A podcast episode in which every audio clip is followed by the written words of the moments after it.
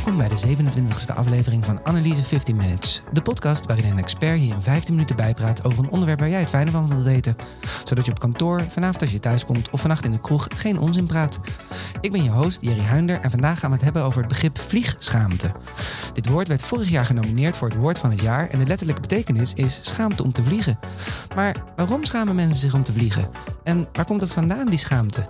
En nog belangrijker, is het eigenlijk wel terecht om je te schamen als je het vliegtuig pakt? Om antwoord te krijgen op al die vragen ben ik geland bij de TU Delft en wel bij de faculteit Luchtvaart en Ruimtetechnologie. Tegenover mij zit Joris Melkort, vorig jaar verkozen tot de beste docent van de TU Delft. Welkom Joris. Goedemiddag. Joris, mijn eerste vraag is altijd, als ik het wil hebben over vliegschaamte, waarom moet ik dan bij jou zijn? Nou, we zijn hier bij, bij TU Delft, faculteit Luchtvaart en Ruimtevaarttechniek. En hier weten we eigenlijk alles uh, van vliegtuigen. En ik, ik ben docent vliegtuigtechniek, dus ik kan een heleboel erover vertellen wat dat technisch allemaal wel en niet waar is. Uh. Oké, okay. hey, en kan je eens een korte definitie geven van vliegschaamte? Nou, vliegschaamte is eigenlijk het gevoel dat mensen hebben dat ze zich schamen om te vliegen, terwijl er eigenlijk ook een alternatief is om van A naar B uh, te komen. Oké, okay. hey, waar komt dat vandaan? Dat komt eigenlijk uit, uit Zweden, uh, Flixkam, uh, als ik het goed uitspreek op zijn Zweeds. Uh, daar, ja, daar is het eigenlijk bedacht dat mensen zich toch een beetje begonnen te schamen voor, voor de milieuoverlast die ze veroorzaken door, door toch ongebreideld te, te, gaan vliegen. Dus daar komt het eigenlijk vandaan. En wanneer hoorde jij voor het eerst van dit begrip? Nou, ik denk ruim een jaar geleden. Dat kwam zo uit Zweden. En toen begonnen mensen hier natuurlijk ook zorgen te maken over, over luchtvaart. Dus dan kwam dat begrip op een gegeven moment ook bovendrijven. Oké. Hey, en, en je hoort BN'ers er wel eens over. Je hoort het hier, in, hier links en daar is ook wel in mijn vriendenkring. Maar hoe wijd verspreid is vliegschaamte? Nou, dat ligt er een beetje aan hoe je er naar kijkt. Ik denk als je mensen erover spreekt, dat ze het wel zullen herkennen. Maar of ze zich echt ernaar gedragen, dat vraag ik mij ernstig uh, af. Je ziet dat niet terug in de statistieken dat mensen minder gaan vliegen omdat ze schaamte zouden hebben. Dus het begrip is bekend, maar het gedrag helaas niet. Oké, okay. want je ziet het inderdaad dus niet terug in de cijfers. Er wordt nog net zoveel gevlogen als een jaar of twee jaar geleden. Sterker nog, de luchtvaart groeit alsnog maar. Het gemiddeld groeit dat zo 4, 5 procent per jaar. En je ziet daar geen enkele afvlakking in. Oké, okay. hey, dan vraag ter vragen. Is vliegen iets om je voor te schamen? Nou, ik denk dat schaamte eigenlijk niet het goede woord is. Ik denk dat je misschien zou moeten praten over schuld of, of bewustwording. Aan zich is vliegen niet om je over te, schamen, maar je moet er wel bewust mee omgaan. Want je brengt dus wel schade aan aan het milieu. En bijna al ons gedrag doet dat. Uh, dus je moet er een beetje bewust zijn. Wat zijn de consequenties als je dat doet? En je denkt dat je gewoon ook moet afvragen, is dat nou allemaal wel nodig? Is het nou wel nodig dat we een stedentripje in het weekend doen naar Barcelona, terwijl je ook naar Deventer of Leeuwarden of naar Maastricht uh, kan gaan? Dat lijkt me een meer realistische vraag, een meer interessante en meer ja, belangrijke vraag dan of je nou je daarvoor moet schamen of niet. Ja. en je, je zei het al van eh, je brengt wel degelijk schade aan met alles wat je doet en ook met vliegen. Waar hebben we het dan over? Nou, wat je in, in de luchtvaart hebt, heb je eigenlijk grofweg twee dingen. Je hebt, je hebt de plek waar het vliegtuig vertrekt uh, en waar die aankomt, dus, dus de vliegvelden. Daar wordt lokaal de, de lucht vervuild door de uitstoot die je hebt. En dan heb je lokaal geluidsoverlast. En daar hebben mensen gewoon last van. Uh. En ook tijdens de hele vlucht stoot je continu uh, CO2 en NOx en uh, allemaal emissies uit. En dat brengt ook schade aan aan het uh, milieu. Dus die twee dingen moet je, moet je in rekening brengen. Ja, en hoe groot is die schade? Is dat... Um, nou, het is handig om misschien te kijken naar van wat je dan uitstoot per afgelegde kilometer. Dan is het makkelijk, makkelijk vergelijken. Als je gewoon een modern verkeersvliegtuig neemt, dan is het de uitstoot die je geeft aan, aan CO2 is ongeveer vergelijkbaar met een auto met, met twee personen uh, erin. Dus als je nou op vakantie wil naar Zuid-Spanje en je gaat die eentje in de auto, dan is het vervuilender dan als je gewoon gaat vliegen. Dus vliegtuigen zijn als zich heel zuinig. Maar het grote probleem is eigenlijk dat mensen vliegtuigen gebruiken om gewoon heel ver te reizen. Heel veel van die kilometers uh, te maken. Waar we vroeger uh, op vakantie gingen naar Oostenrijk bijvoorbeeld, dat was al heel ver vliegen we tegenwoordig naar Bali. En dan maken we dus heel veel van die kilometers. En daardoor wordt die uitstoot zo groot en daardoor wordt die schade zo groot. Ja, precies. Maar heel even terug naar wat je net zei, want, want dat verbaast me heel erg. Dus in mijn eentje of met z'n tweeën in de auto, dat is eigenlijk net zo erg als. Ja, qua, qua, qua CO2-uitstoot, als je gewoon een modern verkeersvliegtuig hebt, die dingen zijn eigenlijk ongelooflijk efficiënt. Technisch gezien is dat gewoon fantastisch uh, wat we daar voor elkaar hebben weten te krijgen. Ja, precies. Dus als ik met, met, met meer dan één persoon ga, dan kan ik beter vliegen. Ja, nou ja, als je, als je de auto lekker vol doet, drie of meer personen, dan is de auto weer, weer zuiniger. En waar je ook rekening mee moet houden, is het feit dat er niet alleen CO2-uitstoot is, maar ook andere, dat noemen we dan de non-CO2-uitstoot, NOx, zwavel, waterdampen. En dat heeft ook nog klimaateffecten. En die effecten worden groter Ze worden wegen zwaarder naarmate je wat hoger gaat. eh. en vliegen doen we natuurlijk gewoon hoger. Ja? dus, dus die non-CO2-effecten die, eh, die moet je ook in rekening brengen. En die wegen gewoon met vliegen zwaarder dan met, eh, met gewoon op, eh, met autorijden. eh. Oké, daar wil ik wel iets meer over weten. Want wat mij verbaast in, in wat jij vertelt, is dat ik om me heen altijd hoor, die korte, korte vluchten, dat is eigenlijk het ergste. Maar jij zegt net eerst, van de, de lange kilometers, die maken, die maken het erg. En de hoogte maakt het erg, terwijl je bij korte vluchten volgens mij lager blijft. blijf je iets lager. Het scheelt niet heel veel hoor. Maar het, het grote probleem van lange vluchten is eigenlijk dat je niet onderweg tankt. Met een auto kun je onderweg tanken. dan kun je dus zeggen, nou ik rij een paar honderd kilometer, dan ga ik tanken, dan rijd ik weer een paar honderd kilometer. Bij lange afstandsvluchten moet je alle brandstof die je in de laatste minuut van de vlucht nodig hebt, al vanaf de start bij je hebben. En dat heeft een soort sneeuwbaleffect. Want om die brandstof mee te moeten nemen, dat is gewoon gewicht, heb je weer brandstof nodig om dat gewicht van de grond af te kunnen tillen. Dus het kost brandstof om brandstof mee te kunnen nemen. eh. En dat, ja, dat effect neemt hand over hand toe. Dus echt lange afstandsvlucht is, is eigenlijk gewoon niet goed. Om het een beetje een idee te geven. Van alle brandstof die we in de luchtvaart gebruiken, wordt 20% gebruikt voor de 1% langs de vluchten. Dus 1% van de vluchten gebruikt al 20% van die, van die brandstof. Juist door dat effect dat je dus gewoon brandstof mee moet nemen om brandstof mee te kunnen nemen. Dus, dus daarom is echt lange eh, afstand vliegen is, eh, moet je eigenlijk niet doen. eh. Oké, en waarom heeft iedereen het dan over die korte, korte vluchten? Nou, omdat dat er heel veel zijn. als je gewoon kijkt naar de totale hoeveelheid brandstof die gebruikt wordt, zit er heel veel op die korte afstand. 75%, 80% van de vluchten is minder dan 2000 kilometer. Gewoon de, de vluchten die we gewoon binnen Europa doen. eh. Ja, precies. dat zijn er gewoon heel veel. eh. Ja, precies. En, en daar komt dan de, het vele vervuilen ook van. ja, als je veel vliegt, dan, eh, dan vervuilt dat natuurlijk ook veel. Maar aan zich, het opstijgen met een, voor een korte, korte vlucht in vergelijking met een lange vlucht, is een korte vlucht weer beter. Nou, korte vlucht heb je sowieso gewoon minder kilometers, dus je verbruikt ook minder. En er zit natuurlijk wel een beetje een afweging in van wanneer is dat het meest efficiënt. Eh, Nou, als je dat een beetje uitrekent, voor de hele lange afstanden is het beter om gewoon iedere 5.000, 6.000 kilometer te stoppen en opnieuw te tanken, dan in één keer non-stop eh, die afstand eh, van, nou ja, van hier naar Singapore te vliegen. Ja, precies.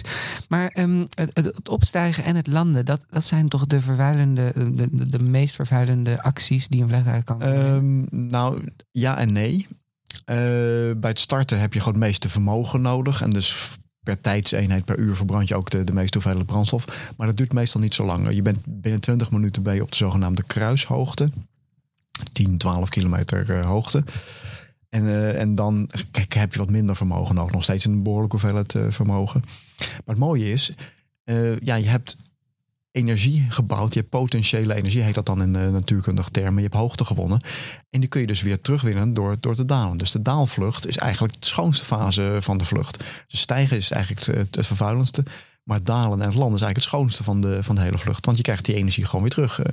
Ja, precies. En, en dus bij zo'n korte vlucht, omdat je snel stijgt en dan weer snel daalt en weinig kilometers op hoogte hebt, is het minder vervuilend. Ja, minder vervuilend dan, dan een grote lange afstandsvluchten. Grappig. Hey, en je vergeleek het al even met de, met de auto. Eh, Kan je wat andere vergelijkingen maken? Eh, Bus, trein? Nou, als je gewoon kijkt naar, naar efficiënte transport, is, is een bus een hele mooie, mooie oplossing. Want dan ga je natuurlijk met heel veel mensen tegelijkertijd uh, in één voertuig. Dat is een mooie oplossing. Trein is natuurlijk ook een uh, mooie oplossing als die, als die er is. Moet natuurlijk wel je afvragen waar komt de energie van die trein dan vandaan. En eigenlijk zou je ook nog moeten afvragen, ja, waar komen die rails vandaan? Dat gewoon het aanleggen van rails, en zeker als je gaat praten over hoge snelheidsrails, dat kost ook een heleboel energie, dus ook een heleboel CO2-uitstoot. Dus daar, ja, dat wordt vaak dan niet meegenomen in zo'n vergelijking. Maar dit zou je eigenlijk ook mee moeten nemen. Ja, precies. Want mensen kijken eigenlijk puur alleen naar het voertuig en, en niet naar de infrastructuur die daar nee. onder, onder ligt. Nee, want als je kijkt, die weg waar je op rijdt, die is natuurlijk hier aangelegd. Uh, daar is energie in gaan zitten. Terwijl met het vliegen, ja, dan heb je eigenlijk alleen maar een stripje asfalt nodig aan het begin, de luchthaven waar je vertrekt. En een stripje asfalt aan het eind waar je landt. En meer heb je niet nodig aan infrastructuur. Dus wat dat betreft is het hoeveelheid energie die je nodig hebt voor die infrastructuur is, is uh, heel veel minder. Ja. Wat gaat de toekomst van het vliegen brengen? Want elektrisch vliegen, of ik, ik heb ook wel eens gehoord, ik, heb, ik interviewde ooit iemand uh, en die zei: We kunnen eigenlijk al met de motor uitlanden. Uh, dus dan is het, nou, zou het helemaal uh, CO2-vrij zijn. waar, gaat, waar gaat het naartoe? Nou ja, eerst even op dat laatste ingaan, dat dat landen zonder motor. In, in principe klopt dat wel, want je hebt dus hoogte gewonnen. En dan kun je in feite als een zweefvliegtuig naar beneden toe. Stel nou, als je zou in een vliegtuig vliegen en op, uh, op de kruishoogte, die 10, 12 kilometer hoogte waar je vliegt, zouden alle motoren uitvallen. Dan zou je denken, nou, dikke paniek. Nou, dat hoeft helemaal niet zo. In Noordwest-Europa kun je altijd ver genoeg glijden als een zweefvliegtuig om gewoon veilig te landen. Dus zelfs als allebei de motoren zouden uitvallen, zou je nog veilig aan de grond komen. En dat merk je ook als je gewoon bijvoorbeeld vanuit Spanje op weg bent naar Nederland. Dan gaat ongeveer boven de Belgisch-Franse grens gaat het gas al naar, naar stationair. Uh. in feite ga je dan langzaam al beginnen aan, aan de daling. Dat is altijd het moment waarin iedereen altijd een beetje schrikt in het vliegtuig, toch? Dat ze denken dat er iets gebeurt, wat er iets engs gebeurt, want het geluid valt bij. Ja, ja, het geluid valt bij. Maar dat is gewoon, ja, je, je gaat in feite je meer als een zweefvliegtuig uh, gedragen. En daar heb je ook een mooie naam voor. Dat heet Continuous Descent Approach. Als je dan eigenlijk helemaal geen gas meer bij hoeft te, te geven. De CDA heeft niets met de politiek te maken. En dan kun je al, al ja, glijden met een klein beetje vermogen zet je hem zo op de, de baan neer. Dat is eigenlijk wat je het liefst zou, zou willen. Want dan win je al die energie die erin gestopt hebt tijdens stijgen, win je weer, weer netjes terug. Eh. Dus dat, dat is in de operatie kun je dat dingen zien. Nou, als je gewoon kijkt naar, naar wat er in de techniek verder gaat gebeuren qua, qua vliegtuigen, dan zul je zien dat er wel wat elektrische vliegtuigen zullen gaan komen. Maar dat zal beperkt blijven tot, tot wat dan heet de kleine luchtvaart of de general aviation. Uh, de, misschien wel met een denigerende term de hobbyvliegtuigen. De vliegtuigen voor twee, voor vier, voor zes. Misschien later voor tien of voor twintig eh, personen. Een uurtje vliegen, anderhalf uur, twee uur vliegen. En dan houdt het waarschijnlijk gewoon wel op. Dat heeft er gewoon puur mee te maken dat accu's gewoon te zwaar zijn. En gewoon echt niet snel lichter zullen gaan, uh, zullen gaan worden. Eh. Oké. En, en andere soorten brandstoffen? Nou, als je gewoon kijkt naar de, de makkelijkste oplossing om de luchtvaart duurzaam te maken. Of in ieder geval CO2-neutraal dat is toch gewoon naar een, naar een, duurzame brandstof gaan. Dat is de, makkelijkste manier. Vliegtuigen gaan gewoon heel lang mee. Een beetje een idee te geven. De meest populaire modellen vliegtuigen, de Boeing 737, de Airbus A320, die hebben een catalogusprijs van ongeveer 100 miljoen euro. Als je de veel koopt, krijg je nou op korting. Maar dat is even de orde van groot. Dus die kun je gewoon niet ieder jaar vervangen door een nieuwer exemplaar. Dus dat gebeurt ook niet. Die vliegtuigen gaan gemiddeld zo'n 25 jaar mee. En de komende 25 jaar zullen die vliegtuigen op kerosine blijven vliegen. Eh, daar kun je gewoon niets aan veranderen. Dus het enige wat je dan kan doen is naar een, een duurzame kerosine gaan. Bijvoorbeeld een biobrandstof of misschien nog mooier een synthetische kerosine. Een kerosine die je gewoon op een duurzame manier gemaakt hebt. Dat is de de makkelijkste, maar makkelijkste wel tussen aanhalingstekens, manier om, om luchtvaart uh, CO2-neutraal te gaan maken. En als we dan kijken naar het vervangen van de vliegtuigen, want dan zitten we dus eigenlijk 25 jaar aan vast.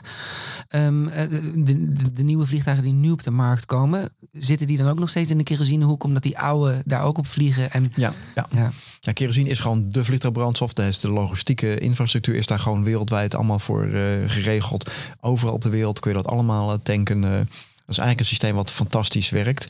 Want je hebt gewoon te maken met een hele internationale tak van sport. Eh, met een auto kun je nog zeggen, nou ja, lokaal gaan we op, op suikerbieten of op suikerriet uh, brandstof uh, rijden.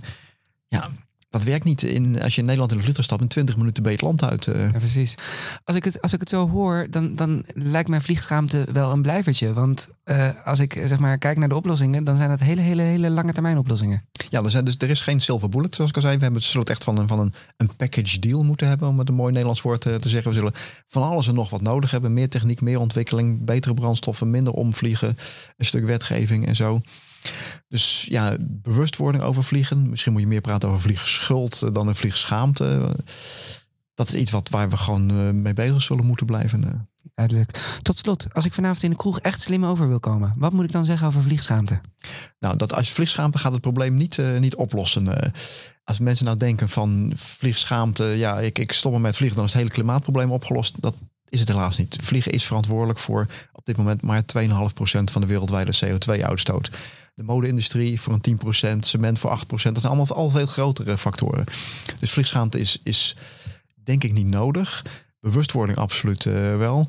Maar gewoon niet meer vliegen gaat niet het hele probleem oplossen. Maar we moeten er wel aan werken. Oké, en je kan dus beter geen kleren kopen dan niet meer vliegen? Nou, niet iedere dag nieuwe kleren kopen. Dat lijkt me veel beter. Dankjewel voor dit gesprek. Graag gedaan. Dit was de 27e aflevering van Analyse 15 Minutes. Bedankt voor het luisteren en mocht je een andere aflevering willen horen, ga dan naar iTunes, Spotify of Soundcloud. Je kan je daar ook abonneren op de podcast. Volgende week vrijdag is er weer een nieuwe aflevering. Tot dan!